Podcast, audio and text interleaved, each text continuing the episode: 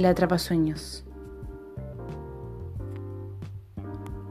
Los sueños no llegan solos. Se imaginan, se pintan en la mente con paletas de todos los colores.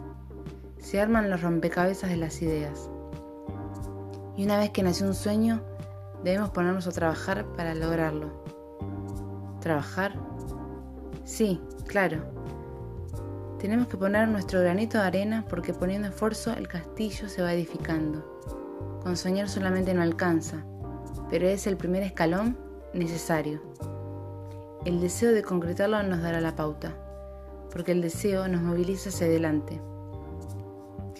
Es nuestro motor. Escucharlo es otro paso primordial.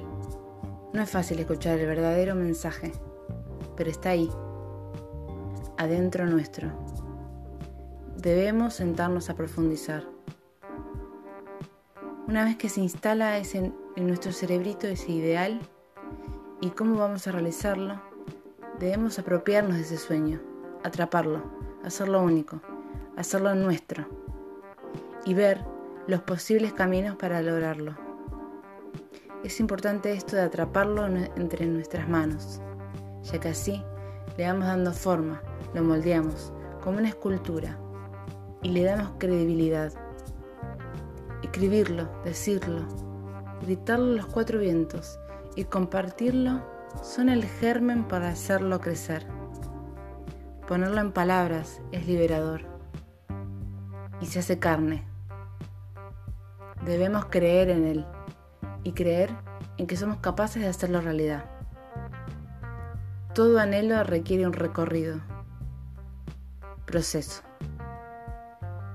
Y a veces disfrutarlo es lo más lindo de esa ruta que transitamos. ¿Qué sueño dejaste postergado? Anímate a atraparlo, que no se te escape, porque vivir de, nuestros sueños hace la vida más hermosa.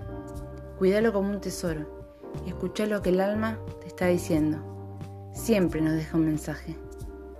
Por ahí es el camino, en lo que sentimos, en lo que nos da satisfacción donde nos sentimos plenos. Soñar es viajar con las palabras.